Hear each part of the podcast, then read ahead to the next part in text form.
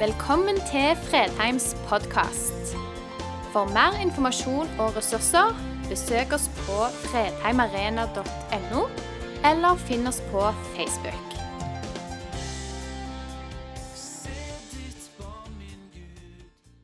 Ja, det er en uh, litt uh, eldre, rusten herre med en rusten stemme som eh, skal prøve å tale i dag.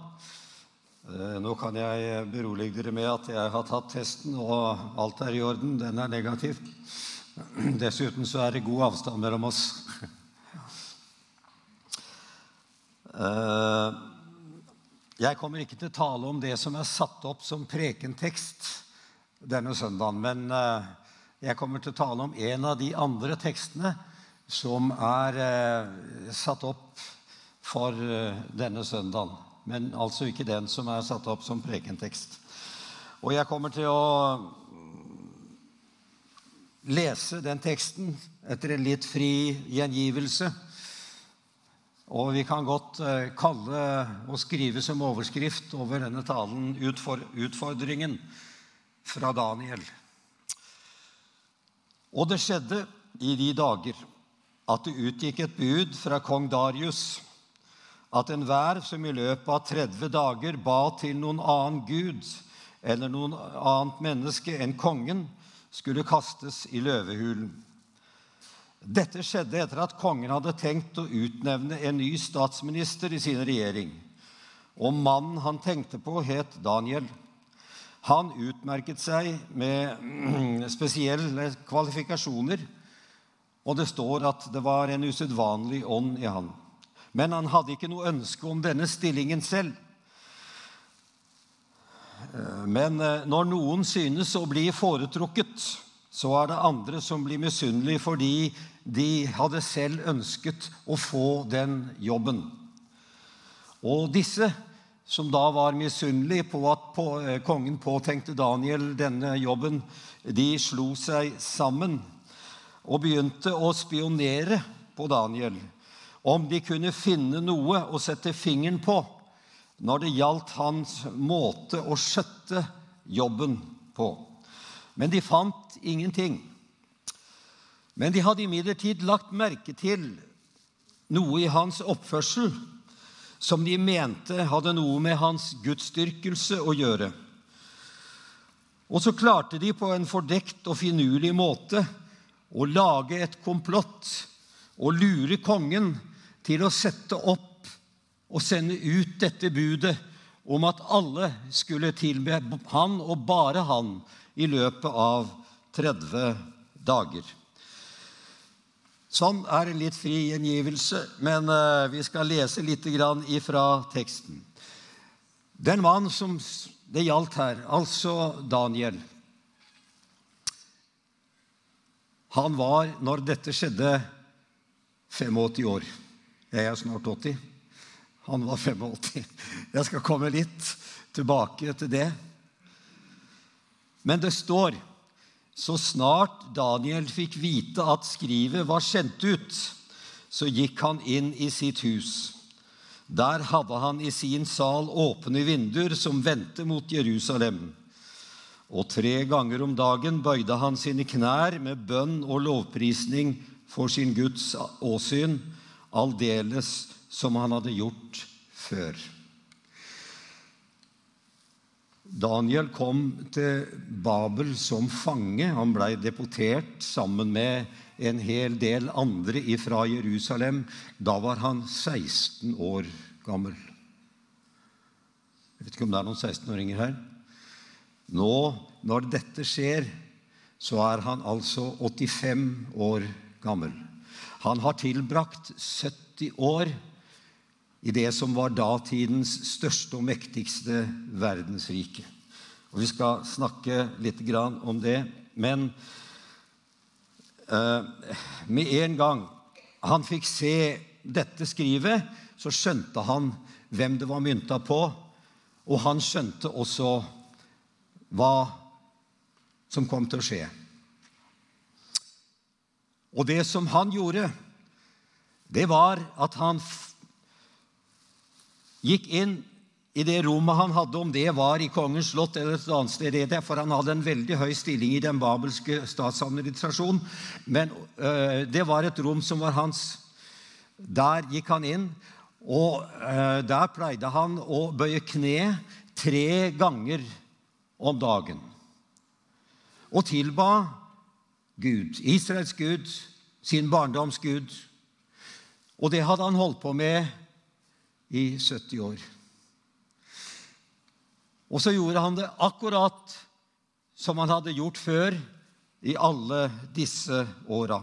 Og jeg tenker, folk, i den grad var Daniels gudsforhold fort, fortrolig, sunt og normalt, så at han selv i sitt livs alvorligste krise ikke trengte å gjøre noe ekstra foranstaltninger. Han ba aldeles som han hadde gjort før, som han alltid hadde gjort. Det er fantastisk. Jeg hadde nå iallfall bedt om en del hvis jeg hadde hatt kontakter. Nå må du be for meg, for nå er det virkelig krise her. Nå må du virkelig samle så mange som mulig for å be. Denne mannen hadde ikke så mange andre å henvende seg til. Han hadde noen venner som hadde vært der like lenge som han. Men i denne situasjonen så gjorde han som han alltid hadde gjort. Det var så godt og fortrolig og nært som det var mellom Gud og Daniel. Men han visste hva han risikerte. Så når han lå der inne på kne og tilba, så hørte han at det begynte å bevege seg i gangen utafor. Og han visste hvem de trinna tilhørte på de som nærma seg.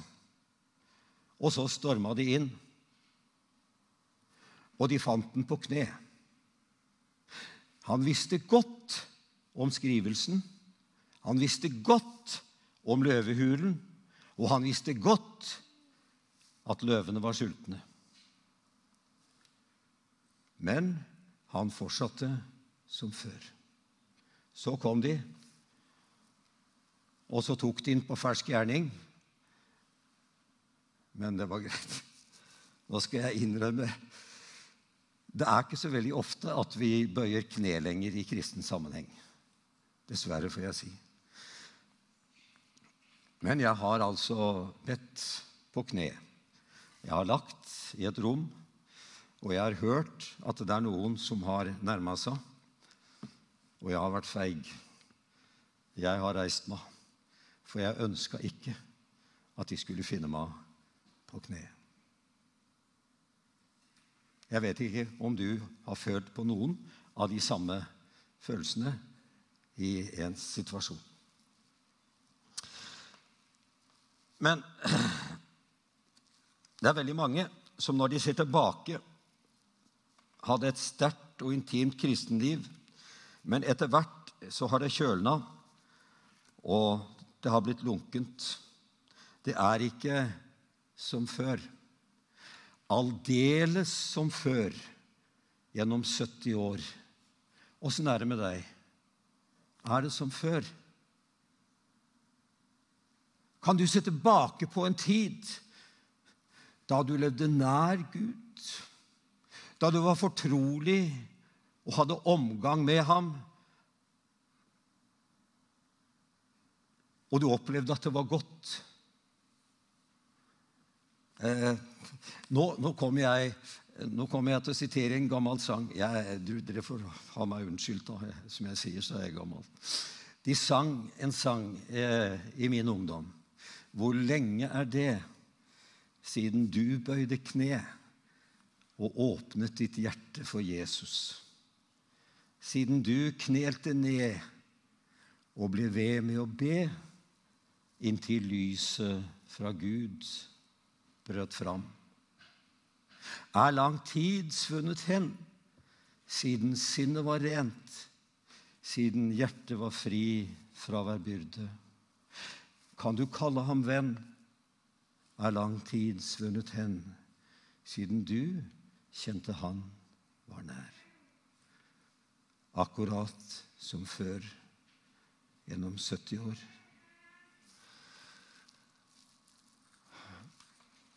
Jeg vet om og kjenner til, selv om det er noen år tilbake, det også. Når jeg var eh, jeg vet ikke hva jeg skal kalle det, enten jeg skal kalle det sekretær eller pastor eller noe, nede i, i, i, eh, i Vågsvik ved, ved Kristiansand. Eh, vi hadde en fin tid der, og det skjedde en del, og mennesker overga seg til Gud og tok imot Jesus. Og Iblant dem som nesten på hvert eneste møte rakk opp handa si fordi han ønska å få forbønn for faren sin, så var det altså én. Eh, nå husker jeg ikke helt eh, eh, Jeg tror han heter Ja, det er det samme. Men iallfall, på hvert eneste møte når det ble spørsmål om forbund, så rakte han opp handa si og sa jeg må be for pappa.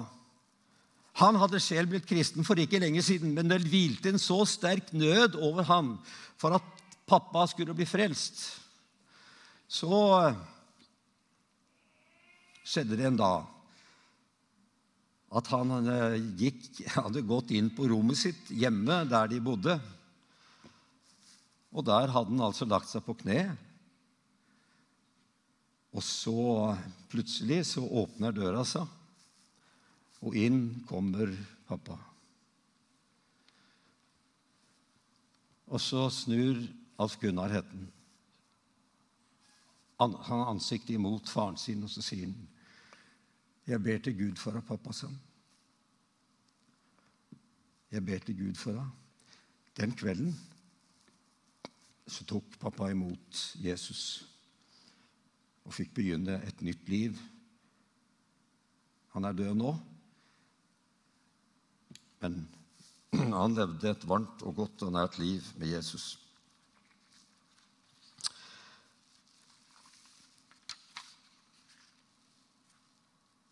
Babel, dette verdensriket som eh, Daniel var eh, bortført til, det var eh, materialismens og okkultismens høyborg. Det var fullt av astrologi, magi og avgudstempler.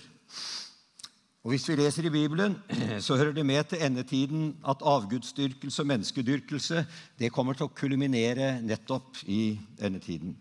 Og når Bibelen i Johannes' åpenbaring drar teppet til side for siste akt i historiens drama, så viser det en kultur og en menneskehet som i sitt hedenskap og moralske frafall representerer nettopp et gjennomstått Babel. Det kan du lese om i de siste kapitlene i Johannes' åpenbaring.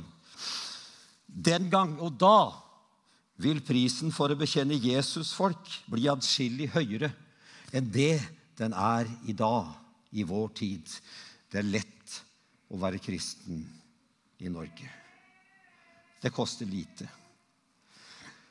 Det er verre i Nord-Korea. Men tenk deg en situasjon. Altså Der i Babel fantes det ikke en kirke. Det fantes ikke et bedehus. Det fantes ikke et sted som han sånn uten videre kunne gå for å få fellesskap med sine venner, denne mannen. Men eh, tenk deg eh, om at vi opplever en sånn situasjon da. At eh, kristen virksomhet forbys, og du overlates til deg selv. Har du da et personlig forhold til Jesus eller til Gud som gjør at du vil overleve i en sånn situasjon? 70 år, akkurat som før.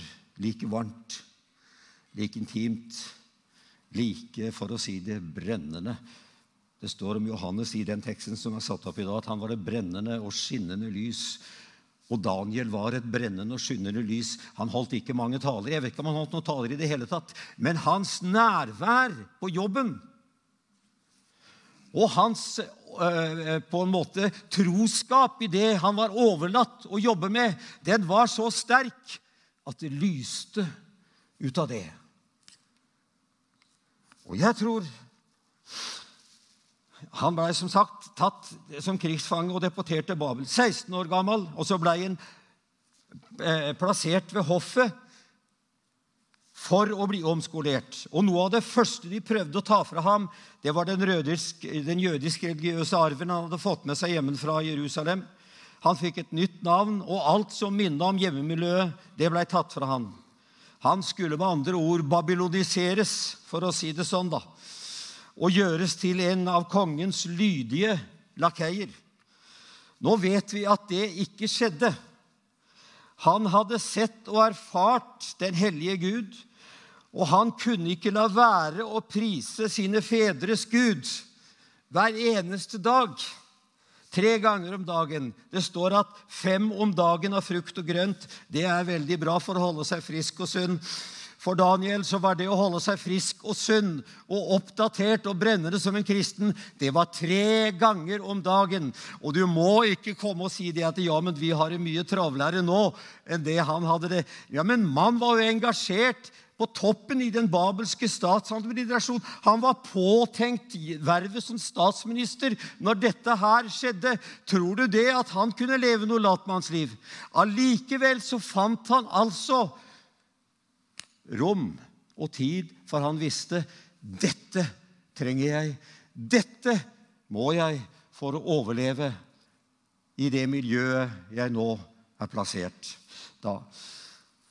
Eh, for hver gang trusselen mot ham økte, så drev det ham bare nærmere Gud. Men, og det skal du være klar over, samtidig så isolerte han seg ikke fra omgivelsene. Han holdt seg ikke for seg selv.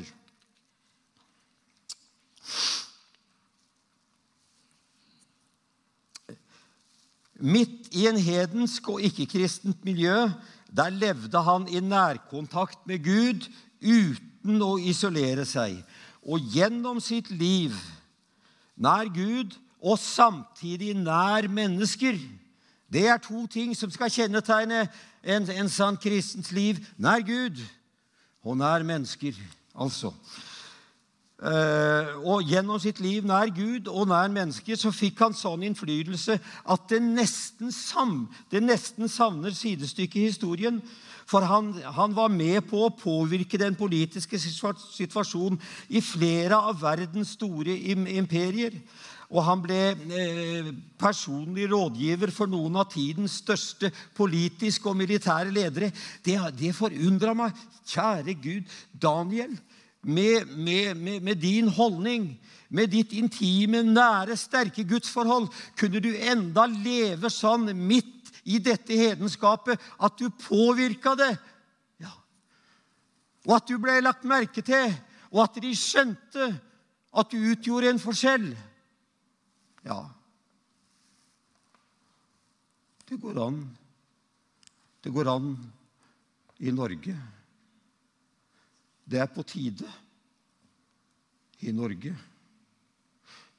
Du har din jobb og ditt nabolag og din familie. Jeg har min. Skal vi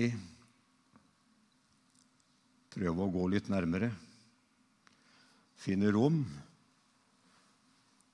Til et sterkere fellesskap med Han som har seiret over alle onde makter.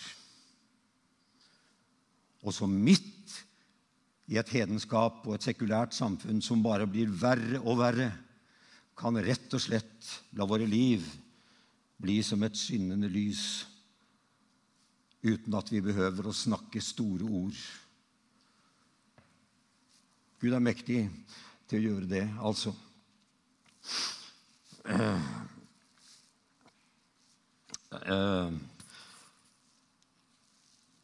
ved at han var trofast og åpen og holdt seg nær Gud og bevarte sin integritet, så påvirket han sine uh, omgivelser i en positiv retning. I stedet for å bli oppslukt og omformet av dem, så var han positivt annerledes. Jesus sa om sine disipler dere er i verden, men dere er ikke av verden. Dere befinner dere på en måte i et fiendtlig miljø, men dere er ikke en del av dette miljøet. Men i dette miljøet og i denne jobben og der du lever, der vil Gud gjennom deg åpenbare sin kjærlighet. Jeg tror nettopp det å leve nær Gud på et personlig plan og samtidig kunne bevege seg i et sekularisert miljø, nær mennesker, men ikledd Guds kjærlighetskraft som et hellig folk, det vil være en hovednøkkel for oss framover som kristne. Og Thomas Merton han har sagt det slik det er i livets vanlige plikter og arbeid den kristne kan og bør utvikle sin åndelige forening med Gud. Nå gjentar jeg det. Det er i livets vanlige plikter og arbeid den kristne kan og bør utvikle sin åndelige forening med Gud. Ja. Hvordan kan vi, folk, leve nært og fortrolig med Gud på et personlig plan, og samtidig bevege oss i et sekularisert miljø nær mennesker? Uten å tape evangeliets kraft og påvirkning på våre omgivelser. Hvordan skal vi som kristne leve i en antikristelig og sekularisert kultur som er prega av verdier og en moral som er i strid med et kristent livssyn, og også ofte med Bibelens menneskesyn? Det finnes folk, grenser, som vi ikke kan krysse med red samvittighet uten å tape vår kristne identitet. Og i ethvert samfunn må en troende finne ut hvor disse grensene går. Hvor går grensene for deg i dine omgivelser, i ditt miljø? Nå skal jeg ta fram én ting her. altså Daniel han var fleksibel, og hans venner også var fleksibel på en god måte så lenge han ikke måtte kompromisse eller fornekte sin tro. Det kommer bl.a. til uttrykk med en gang da de kom til det babelske hoffet, så ga de han og vennene hans et nytt navn. Det lot de faktisk skje. De fikk et nytt navn. Og det lot de faktisk skje. For det var ingenting i Guds ord som forbød det. Det visste de. Men Derimot sa de klart nei og nektet når det ble spørsmål om å spise mat som var ofret til avgudene. For det var et forbud i Gamle testamentet som var rettet imot jøder. Det vi kan lære av dette, er at hvis Guds ord lar noe stå åpent, så kan vi fritt handle og bevege oss innenfor rammen av sunn fornuft uten å være for fintfølende i forhold til egne religiøse tradisjoner og skikker. Hvis Guds ord, altså, lar noe så åpent. Vi finner flere eksempler i Gamle testamentet på jøder som levde i et sterkt hedensk miljø, men som var med på faktisk å prege det. F.eks. Eh, jøder som tilba Israels gud, slik som Ester i sin tid. Gå hjem og les Esters bok. Eller Nehemias fikk en høyt betrodd stilling ved det persiske hoffet i byens husa. De deltok i det offentlige livet uten å gå på akkord med sin tro. De ble ikke liksom utvisket. De bekjente hvem de var, og hvem de tilhørte, uten å rope høyt i den forstand. Ja,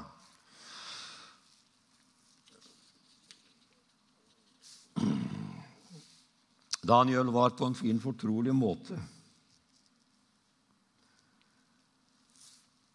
og fortrolig med å leve både i det naturlige, på den naturlige planen, men han var også god venn, for å si det sånn, med det overnaturlige.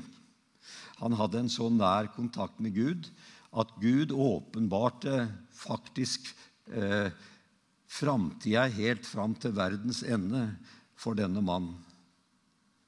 Nå kommer kanskje ikke det til å skje med oss. Men eh, nå skal du være klar over det at eh, det går an å, at levende kristendom er i sitt vesen overnaturlig. Altså, Det er et sterkt innslag av det overnaturlige i våre liv som kristne. Det må vi være klar over, og det må vi også erkjenne. Og det må vi åpne oss for. Evangeliet er overnaturlig. Alle kristne, hver eneste Troende er et produkt av Guds overnaturlige inngrep i livet sitt. Og ved Den hellige ånd så er vi blitt født på ny, født ovenfra. Og i den nye fødselen er vi blitt nye skapninger, som det står i Guds ord. Og det å representere det overnaturlige på en naturlig måte skulle i større grad kjennetegne oss som Guds folk. Ja, Nå snakker jeg litt rart, kanskje, men det å representere det overnaturlige, det som Gud har gitt oss som hans barn, på en naturlig måte i våre omgivelser, i jobben vår, i familien vår. Ikke ved at vi hopper og danser, men vi er der, og vi vet hvem vi tilhører og det lyser ut av oss. Det skulle i større grad være noe som var naturlig for oss. Og det skulle kjennetegne oss. Du vet at verden den styres og motiveres i høy grad av vantro og frykt, den verden vi lever i. Det å tro på Gud, dvs. Si å stole på Han og sette sin lit og forvente alt godt ifra Gud, det er unormalt for verdens mennesker. Troen på og den aktive forventninga et overnaturlig inngrep fra Gud er noe man ikke har tiltro til i vår sekulariserte tid. Og dette rasjonalistiske verdensbildet som totalt har preget både ideologier, skolesystemer, vitenskapelig syn og hverdagsliv, de har ikke villet gi rom for det overnaturlige. Man har ikke villet vite av det Nytestamentet kaller for tegn under, eller regne med guddommelig inngrep. Og Gud måtte for all del ikke forekomme som forklaringsmodell til noe. Og sånn har det blitt mer og mer av. Og Derfor så søker mange mennesker i dag mer enn noen gang i okkulte foreteelser, overnaturlige fenomener og fornuftstroen forklaringer det har ikke vært nok til å slukke menneskets tørst og lengsel etter det overnaturlige. Dvs. Si hjertets lengsel etter Gud. Mm. Nå skal jeg straks slutte. Jeg skal bare avslutte med hvordan det gikk med 85-åringen. De tok den. De tok den med til kong Darius. Og Darius kjente Daniel som en veldig fin mann som han hadde tillit til. Det var derfor han tenkte han skulle få statsministerembetet. Men nå kom de.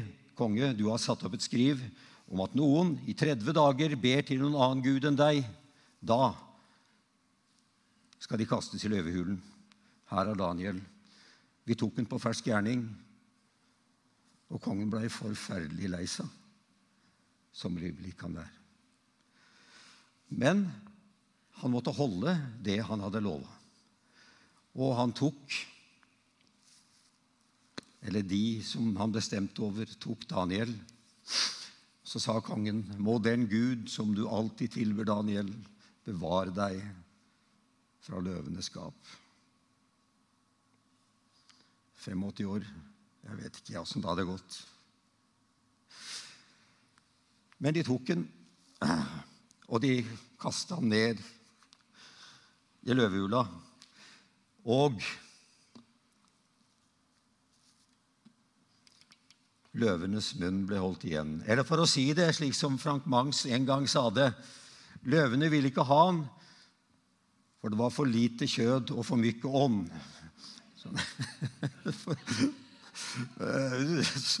det går an å si det på den måten også.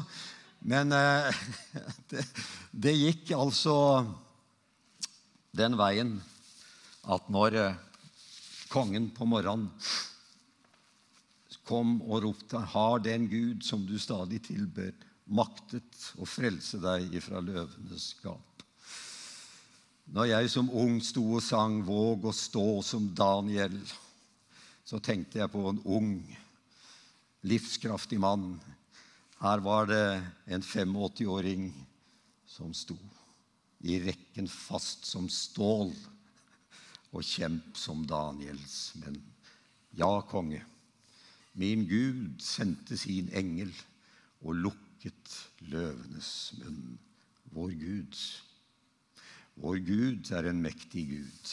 Vår Gud er en allmektig Gud.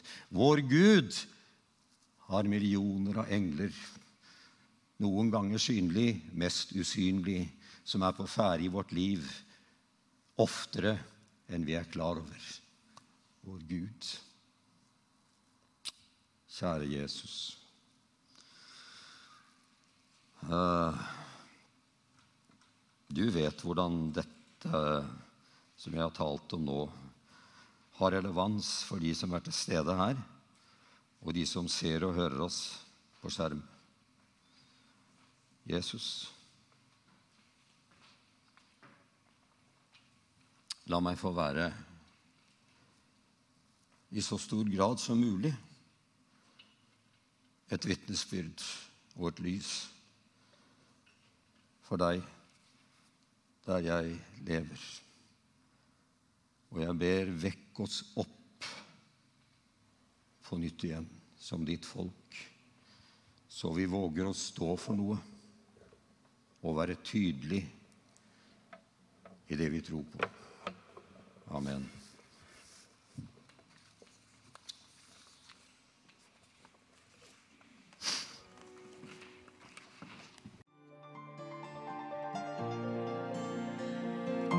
Takk for at du valgte å høre på. Nye opptak legges ut hver uke. Vi har gudstjenester hver helg, og du er hjertelig velkommen.